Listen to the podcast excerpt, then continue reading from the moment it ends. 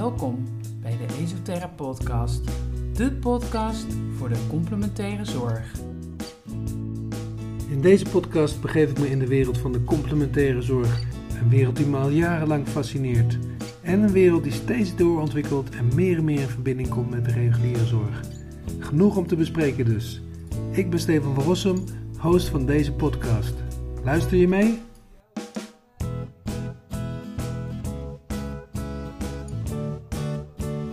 Hey Jos, hartstikke leuk dat je tijd voor me hebt uh, gemaakt weer. Je, je zit uh, in uh, Tsjechië op dit moment, hè, dus we doen het via de Zoom.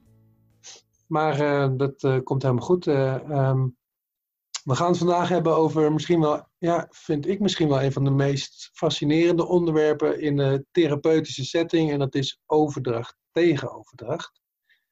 En dat leek me een heel mooi onderwerp om met jou aan te snijden. Uh, ik denk ook dat ik, uh, ik heb jou de opleiding ooit gevolgd, hè, dat jij me daar als eerste mee uh, introduceerde met dat concept. Want dat is natuurlijk voor de, voor de buitenwereld volgens mij een concept dat helemaal niet bekend is, hè, overdracht tegen overdracht. Dus misschien goed om eens aan jou te vragen van, wat zou jij zeggen als ik vraag, wat is dat eigenlijk? Ja, dat, dat is een, goed, goede vraag. Erg voor de hand liggende vraag ook. Um, je kunt overdracht en tegenoverdracht het beste zien als uh, een, een soort relatievorm uh, waar een therapeut en cliënt ongewenst inkukelen. Uh, er is natuurlijk een, een, therapeutische relatie waarbij de therapeut gewoon zich hoort te gedragen als therapeut. En net zoals de groenteboer eh, verkoopt, die groente verkoopt, moet hij therapie verkopen. En dat op de beste, mooiste manier te doen, zoals de groenteboer dat ook doet.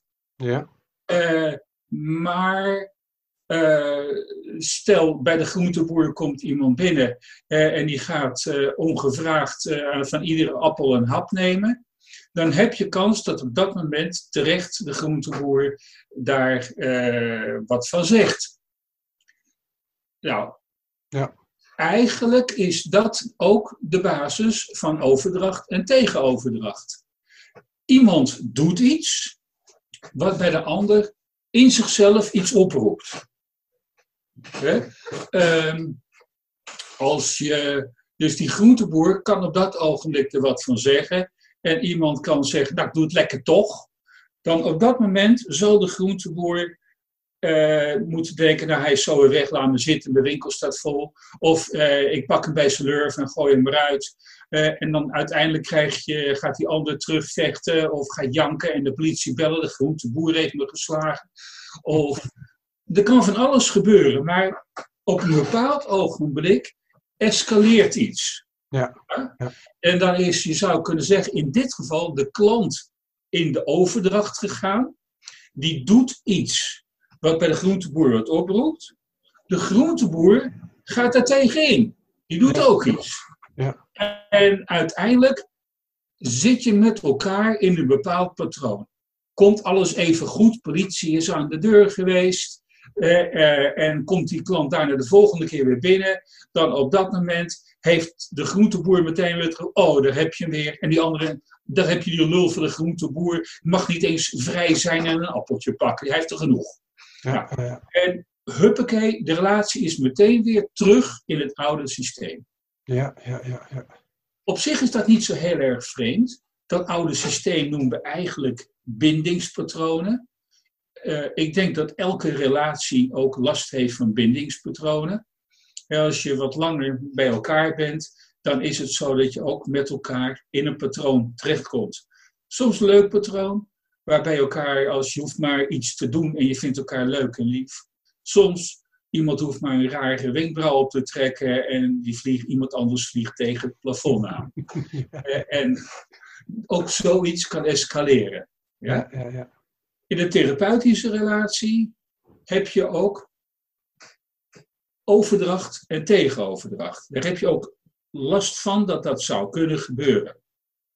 Je zou kunnen zeggen, dat is een patroon dat onder het oppervlakte speelt, uh, veelal, waar meestal beide, de cliënt en de therapeut, zich niet zo bewust van zijn, maar het heeft wel eh, die lading die erin zit, eh, de lading van elkaar heel aardig vinden of de lading van eh, eigenlijk je te irriteren aan de ander en dan langzaam de ander daar weer op reageert, dat is vaak iets dat wel onderhuids kan gaan spelen gedurende de therapie.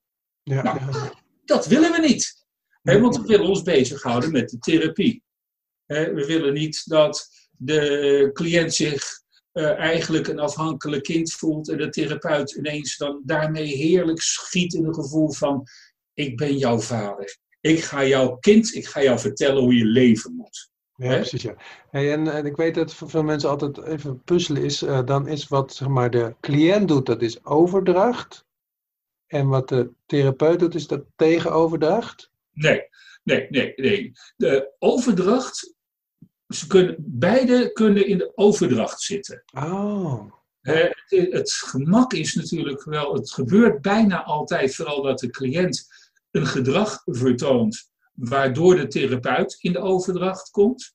Dus dat is wel heel vaak het geval.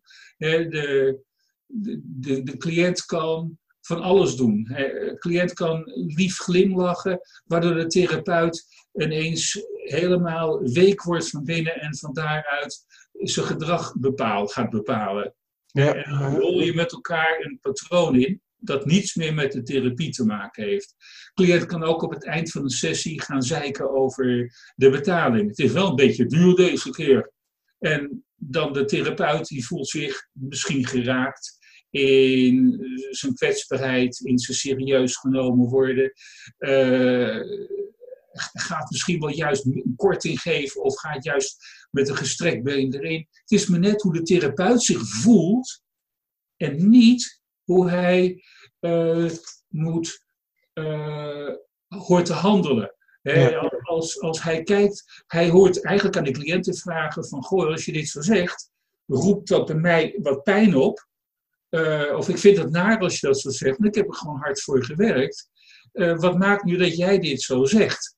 Eh, dan ga je de goede kant op in je reactie. Maar op het moment dat jij met een gestrekt been erin gaat, en dus of je cliënt, wat, of je cliënt juist wat gaat geven, in dat geval ben jij in de tegenoverdracht. Ja. De cliënt doet wat in de overdracht, de therapeut wat in de tegenoverdracht. Nu ken ik ook therapeuten die uh, bijvoorbeeld heel erg trots zijn naar medetherapeuten, dat ze altijd cliënten hebben die zo dankbaar zijn. Hè?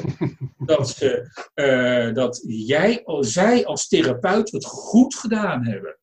En dat ze altijd, ze scheppen erover op, de hele wereld mag het weten, dat jouw cliënt eigenlijk bijna elke sessie uh, aankomt stappen met een bos bloemen. Uh, of op het eind van de therapie een groot cadeau geeft. Hè? En ik denk dan altijd, maar ik doe ook nooit zo, niet meer zo slecht mijn werk, maar krijg het nooit. Ja? En dan, als ik dan zo met, met zo'n therapeut praten, dit, dit, dit, is een geval dat ik gewoon echt heb meegemaakt, dan blijkt dus dat die therapeut daar ehm, ja, met veel enthousiasme zelfs er bijna niet in de gaten had wat hij aan het doen was. In dit geval wat zij aan het doen was. Eh, wat, wat ze deed was eigenlijk tegen de cliënt subtiel zeggen: Oh, dan kan ik niet, want dan heb ik een afspraak met een uh, voormalig cliënt met wie ik net afgerond heb en die heeft me uitgenodigd om samen uit eten te gaan. Oh, Dat is overdracht. Ja. Jij geeft de boodschap af dat je het leuk vindt, dat je het aangenaam vindt uh, als zoiets gebeurt. Je legt bijna de verleiding, het is normaal als jij mee uh, dat op dat ogenblik doet. Dan op dat moment is de therapeut in de overdracht. Ja. Als de cliënt zegt, ik voel me ineens verplicht om, dat te, om, om nu ineens met jou uit eten te gaan als je dit zo zegt. Dat vind ik vervelend, want we zijn hier bezig dat hey, ik ga er ook niet met de groenteboer uit eten. Hè? ja. Dan op dat moment is de therapeut in de overdracht. En de cliënt, als hij daarop ingaat en denkt: Oh, dan gaan we nu eens uitpakken en de volgende keer een gouden ring geven. En de keer erop kom ik met een taartje binnen en, de, en uit afronden gaan we naar een sterrenrestaurant toe. Om mooi al in stijl af te ronden, want dat ziet mijn therapeut wel zitten. Dan is de cliënt in tegenoverdracht. Ja. Als de cliënt zegt, jij vuile viezerik, je probeert mij gewoon te zorgen dat ik naast al het geld dat ik je betaal, eh, ook nog een keertje de, je, je uitneemt voor eten. Je sodemiet erop, daar heb ik geen zin in. Is ook de cliënt in de tegenoverdracht. Ja, ja, Want op dat moment reageert hij direct van, uit zijn eigen emotie van wat de overdracht van de ander hem doet. Ja. Hey, maar als je dat zo zegt, hè, dan moet ik opeens aan, mijn aan eigen situatie denken, waar een andere docent mij ook wel eens op aansprak. Ik, ik had in de, in de opleiding had ik een, eh, een eh, student en die, eh, die, die nam een, een broodje voor me mee. Nou, ja, dat vond ik hartstikke lief of zo. En ik heb dat aangenomen. En vanaf dat moment eh, kwam er elke, elke les een broodje, broodje mee. En ehm, ja, ik nam dat altijd maar aan. Maar het voelt wel een beetje, een beetje apart. Maar ik heb daar niks mee gedaan. Wat, wat, wat, heb ik, wat is daar gebeurd? Nou, twee dingen. Je hebt dus een cliënt die dus.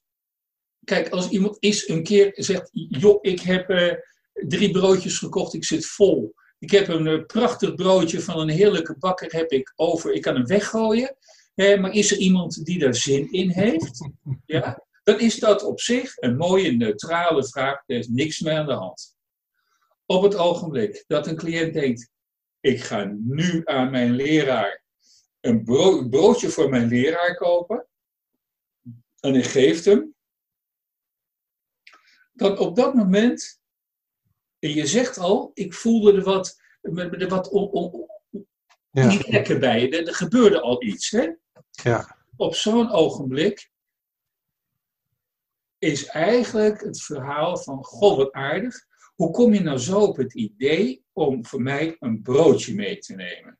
Ja? Ehm, nou, daar zit een stuk van het antwoord in. En Ja. eigenlijk vraag je al naar de achtergrond van het gedrag van die cliënt. Nu kan het een cliënt zijn die niet anders gewend is. Hij geeft altijd iedereen cadeautjes, want hij heeft geleerd dat als je mensen cadeautjes geeft, ze altijd aardig voor je zijn. En op Ja. een bepaald ogenblik ze niet meer lastig tegen je durven te doen. Ja. Dan is het een deel van zijn patroon geworden. Op het moment dat jij er daarin stapt, maak je eigenlijk deel van zijn patroon uit. Zeker als je voelt het klopt niet. En dan wordt het belangrijk dat jij op dat moment bij jezelf te raden gaat van, hé, hey, wat voel ik nu? Eh, voel ik me ergens toe verplicht nu? En dat kan zijn aardig zijn, een hoger cijfer geven, of net die moeilijke vraag niet stellen die ik anders wel gesteld had. Eh, dat soort dingen, daar heb je een stukje zelfonderzoek bij nodig. Op dat ogenblik hoef je je cliënt niet te veroordelen, want dit is waarschijnlijk gewoon in zijn idee als heel vriendelijk bedoeld. Hij, heeft het, hij of zij heeft het waarschijnlijk, eh, doet het altijd, heeft het niet eens zo in de gaten dat hij iets aan het doen is. Maar wanneer er in jouw onderliggende persoonlijke relatie iets gaat ontstaan waarmee jij in een verplicht gevoel gaat komen of iets dergelijks, dan gaat dat, speelt dat op een bepaald moment gaat dat ook meespelen in je therapeutische relatie. Daar is overdracht een tegenoverdracht. Dus dan zul je toch tegen je cliënt eigenlijk moeten zeggen van, hey, cliënt, ik voel nu van binnen, eh, als je dat geeft, de eerste keer was heel aardig en het zal nu nog steeds aardig zijn, maar ik vind het lastig. Ik vind het best lastig als je dat zegt. Ik heb dan ook een gevoel, eh, ik vind je aardig, maar dat ik je dan, dan extra aardig moet vinden en geen en ook niet meer kritisch kan of mag zijn tegen je. Ik vind dat vervelend. Eh, dus misschien kun je het gewoon achterwege laten. je, ik blijf gewoon Stefan, die aardige man die een broodje wil geven, maar eh, ik heb het daar moeilijk mee. Ja, En als vervolg in het gesprek kan je tegen hem zeggen, dat ligt natuurlijk aan wat voor therapeut je bent, in welke soort situatie. Binnen massagetherapie kan dat wat lastiger liggen. In andere therapievormen waarbij je uh, ook naar interactiepatronen kijkt. Uh, misschien zit dat in, in massagetherapie ook, of juist wat minder, maar wordt het belangrijk is te kijken van dit wat jij nu doet, hè, doe je dat alleen naar mij toe? Wat maakt dat ik de bingo heb dat je het alleen naar mij doet? Of doe je dat soort dingen vaker? Hoe voelt het als je het geeft? Wat gaat er door je heen als je zoiets koopt? Dat is eigenlijk uh, wat je zou als therapeut heel goed kan doen. Omdat vaak de overdracht die iemand naar jou toe brengt, vaak hetzelfde overdracht is uh, als uh, wanneer je wanneer wat iemand in het dagelijks leven ook vertoont. Dus de kans dat hij dit gedrag naar zijn chef vertoont, die op een bepaald moment zijn vinger in, oh, in zijn keel wil steken van gadverdamme, heb je hem weer? en daar krijg je weer een nare relatie. Of een chef die probeert iedere keer iets te laten doen waar hij eigenlijk geen zin in heeft. Maar ja, hij is een aardig mens. Ja? Ja, uh... ja? Hij moet dan gaan kijken. Jij hebt op dat moment in de overdracht die hij geeft, plus het gevoel dat het oproept, kun je hem eigenlijk vragen van kijk eens naar je patroon. Of dat ook iets te maken heeft met de klacht waarvoor je komt. En dan is het goud. Dan kun je zijn overdracht gebruiken als voorbeeld binnen de relatie. Ja, precies. Ja. Want waar de klant mee komt, hè, zijn gedrag en zijn patronen, dat, dat, dat, zijn, hè, dat zijn natuurlijk voor de therapie de interessante uh, uh, uh, dingen. Daar, hè, daar, daar, daar zitten de dingen waarmee gewerkt gaat worden, of waarschijnlijk, of waar die tegenaan loopt. Ja. Hè, dus de, dat de klant met dat soort dingen komt, is alleen maar goed. hè, maar het is dus zaak voor de therapeut om daar um, ja, om daar bewust van te zijn dat daar een reactie op kan komen. En in mijn geval, ik, heb het, ik vond het een beetje awkward. Ik, ik had voor mijn gevoel, had, ja, het deed het niet zoveel met mij, behalve dan dat ik het een beetje awkward vond. En ik heb weer gekozen, zoals ik het vaak doe, om het te negeren. Maar um, het is dus zaak om, uh, wat is misschien handiger, om dat soort dingen te benoemen ook. Ook naar de klanten. Ook al doet het niet, ik dacht niet dat het voor mij nou zeg maar in de tegenoverdracht raakte, behalve dan ja, misschien heel klein of zo, maar... Ja, kijk eens. Ik, ben, als ik, het, ik weet niet of ik het in, dit kader mag vragen, hè? maar als, als, je naar jezelf kijkt, hè, uh, heeft het bij jou een ander gedrag tot gevolg gehad naar, je, naar die student? Uh, heb je eigenlijk wat meer moeite van binnen gehad om hem te confronteren met iets wat hij niet helemaal goed deed? Of uh, dat, dat, soort dingen. Uh, ben je voorzichtiger met hem geworden? Of, en, ik denk dat je daar naar moet kijken, want daar zit dan waarschijnlijk, zou in kunnen zitten je overdracht. Ja. Ja. Ja, tegenoverdracht bedoel ik.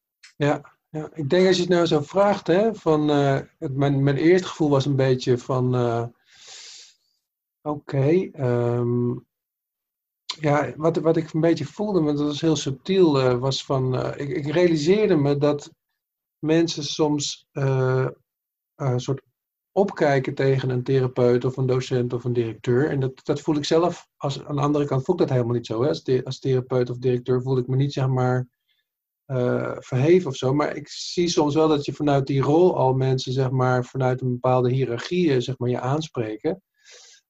En ik voelde een soort van, oh ja, ik ben de directeur en daar, daar moet ik een bepaalde manier mee omgaan of zo. Daar had ik nog geen antwoord op, maar dat was wel al iets wat meeging. En als jij nou zo zegt van ja, het was wel zeg maar een, een extra bevestiging van de relatie die we hadden. En dat is dat niet te kritisch hè, of niet te confronterend uh, uh, met elkaar aan de slag gaan. En dat is dus tegenoverdracht. Ja, precies, ja. Want dat zou je nooit gedaan hebben als je niet dat broodje aan jou gegeven had. Ja. Nou ja, het was een excuus eigenlijk. Want ik ben natuurlijk, eh, voor mij is confrontatie al sowieso altijd een moeilijk uh, ding. Maar dat, dit was voor mij nog een bevestiging of zo, hè? Of, een, of een excuus van, nou, nou kunnen we, nou moeten we echt wat vriendelijker met, ja, nu je het zegt Ja, hoor, het is heel subtiel, maar nu je het zo vraagt, Ja. dat is wel wat er gebeurde, ja. Want jouw tegenoverdracht is, net zoals alle tegenoverdracht, eh, meestal het meest natuurlijke gedrag dat je in het dagelijkse leven ook zou vertonen. ja. Als jij eh, in het dagelijkse leven iets hebt van. En ik wil godverdomme geen cadeautje van helemaal van niemand. Donder op met dat, met dat broodje. Geef het aan je moeder of zo. Maar ik ben gewoon je leraar. Denk je dat ik je niet, dat niet zelf mijn eigen broodjes kan kopen? Nou, dat had je ook kunnen doen. Dus ook tegenoverdracht. Als dat de stijl is die beter bij jou past. Bij jou, eigenlijk bij jouw overlevingsstijl.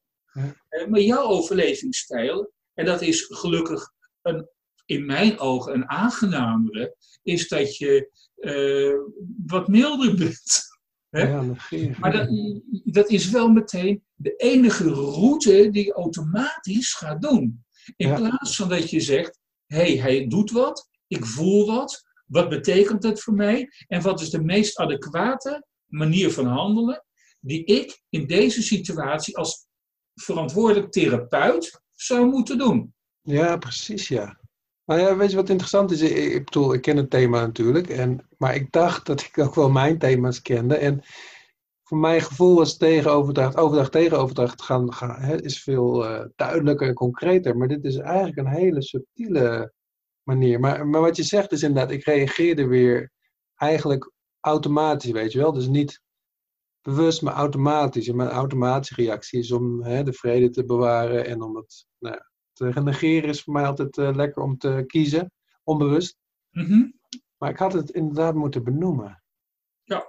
En je het eerst bij jezelf. En dat is het allerbelangrijkste wat een therapeut van binnen moet doen. En daarom ben ik zo ontzettend belang, blij met jouw voorbeeld dat, je, dat jij geeft. Eh, is dat, jij, dat je als iemand iets doet dat eh, in feite overdracht zou kunnen zijn. Want het is pas overdracht als het bij jou binnenkomt. Hè?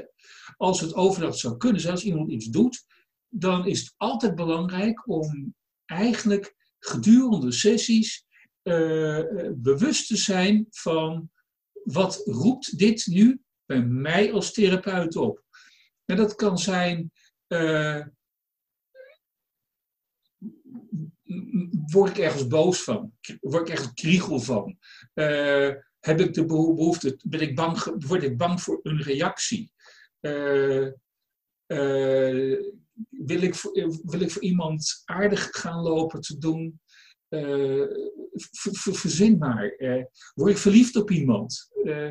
Ja. Allemaal van dat soort, maar ook heel subtiel gevoel, kan het gedrag van een ander bij jou een gevoel oproepen. En het belangrijke is voor jou als therapeut dat je tijdens de therapie als het ware ervoor zorgt dat er ergens een waarschuwingssignaaltje omhoog gaat komen van hé, hey, dit roept een bijzonder gevoel op. Eh, en soms is dat logisch. Ik heb in mijn praktijk wel eens gehad dat eh, mijn innerlijke goede vader door iemand aangeraakt werd. En ik had een echt een gevoel van ik moet nu eigenlijk naar iemand toe om iemand even mijn armen om iemand heen te doen. Ja, Mijn goede vader ziet op dat moment zo'n gekwetst mens en weet ik veel. Ja. En daar ontstaat een, een groot probleem.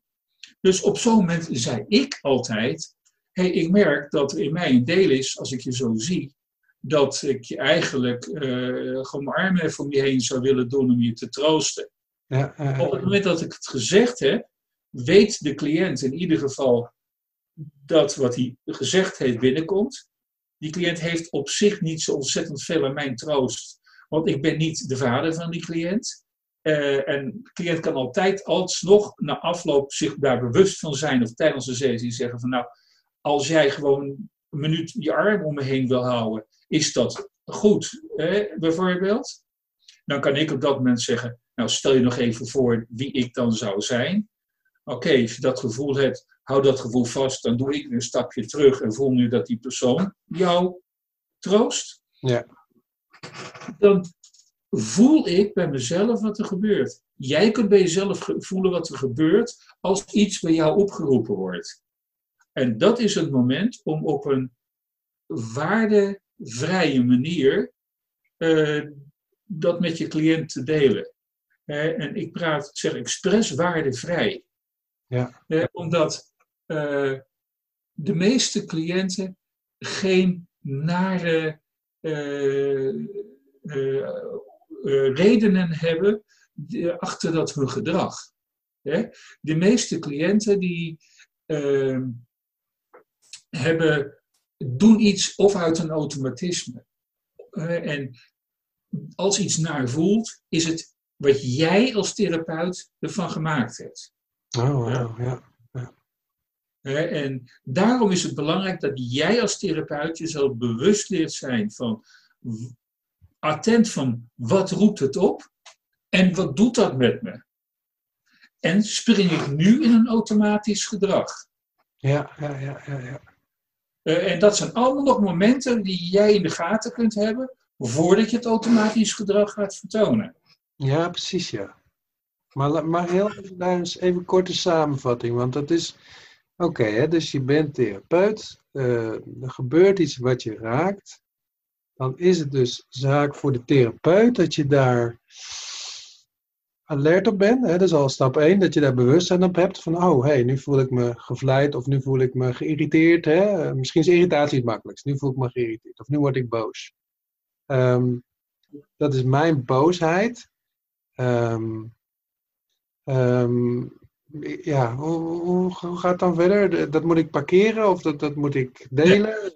Op het moment dat, dat die cliënt dus iets doet, of het nou bewust is of dat het onbewust is. Het maakt allemaal niets uit. Het kan zelfs zijn dat hij helemaal niets gedaan heeft. Eh, dat hij bijvoorbeeld op jouw vader lijkt. Ja, eh, ja, ja. Dan, dan roept dat ook een gevoel op. Ja. Nou, op, er gebeurt altijd bij ieder mens, want je bent ook als therapeut mens, onder het oppervlakte gebeurt van alles. Ja? ja. En het is altijd belangrijk dat je als therapeut dat monitort. Daar bewust van bent. Ja? En als de cliënt er als een punker uitziet of als een grote fabrieksdirecteur, roept dat misschien ook iets op. Ja, ja? ja, ja. Dat zijn eigenlijk allemaal projecties uh, die, die, die, die, we gemaakt hebben uh, in ons leven. En over het algemeen doe je er helemaal niks mee. Maar op het ogenblik dat ze een betekenis voor jou gaan krijgen, dan krijg je er een gevoel bij. Ja? En dat wordt het eerste wat heel belangrijk is neem jij als therapeut dat gevoel waar? Ja, ja. ja? Word, voel ik me ineens bang worden? Of voel ik me ineens ontzettend behoeftig worden om deze uh, prachtige mooie cliënt te omarmen? Ja? Of Ja. misschien wat meer mee te willen? Ja. Of word ik doodsbang ineens als de cliënt eh, zich heel agressief gaat lopen te gedragen? Of voel ik me verplicht om wat te gaan doen? Hè, Wat gebeurt er? Ja?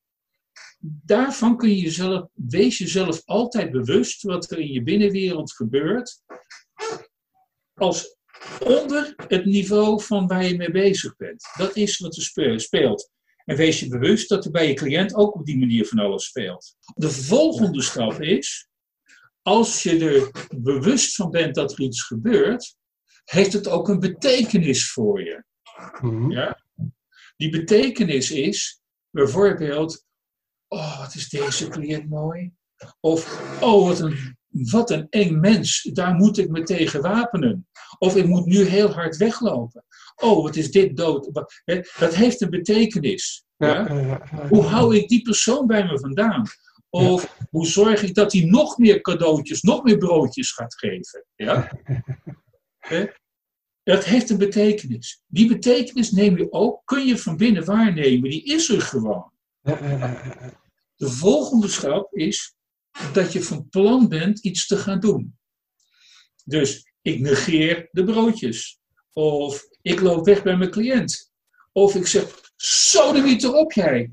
Of, oh, wat ziet die er lekker uit. Laat eens even kijken of ik beter kan zien hoe ze de volgende keer nog mooier is. Ja? Dat zijn allemaal gedragingen die jij van binnen voelt, die je zou kunnen doen. Je hebt een ervaring, het heeft een betekenis en het effect is een bepaald gedrag. Dan heb je nog niks gedaan. Die dingen kun je waarnemen in jezelf. En wat je er dan mee doet, dat is je professionaliteit als therapeut. Ja, mooi, mooi, mooi. Mooi, mooi, mooi ontleed, ja. Hey Jos, ontzettend uh, fijn en bedankt dat je even dit onderwerp uh, eruit wilde lichten en, uh, en uit wilde diepen. En zoals je al zei, hè, je, je, hebt ook een boek over geschreven. Zullen het ook wel vermelden in de, in de, in de podcast. maar het boek is nog niet uit, geloof ik, hè? Nee, ik verwacht dat het boek ergens rond de jaarwisseling 2020-2021 gaat uitkomen. en ik denk dat het zo'n zo, zo bladzijde of 300 heeft. En ik denk dat het voor iedereen, ook de mensen die mijn andere boeken niet kennen, uh, gewoon lekker leesbaar is en je toch de essentie uh, van, van, van, van dit stuk, uh, van wat er allemaal kan spelen, naast je technische uitvoering van de therapie, ja, goed voor je is om, om, om te weten en te leren en ook makkelijk, makkelijk leesbaar en begrijpelijk is. Ja, en, eh, maar dat gaat niet alleen over overdracht tegen overdracht, maar over het hele uh, ja, houding- en attitude spectrum, zou ik bijna zeggen, van een therapeut. Klopt. En van, eens kijken, als ik het zo zie, is overdracht en tegen overdracht 10% van het boek. Ah, Oké, nou leuk. Hey Jos, misschien is het leuk als ik dan nog een keer bij je terug mag komen om een ander zo therapeutisch thema uit te lichten. Ja ik ben ontzettend blij dat je me even te woord hebt gestaan uh, en dit onderwerp voor mij ook weer verhelderend hebt gemaakt. En ik zal nooit meer broodjes aannemen van mijn uh, studenten.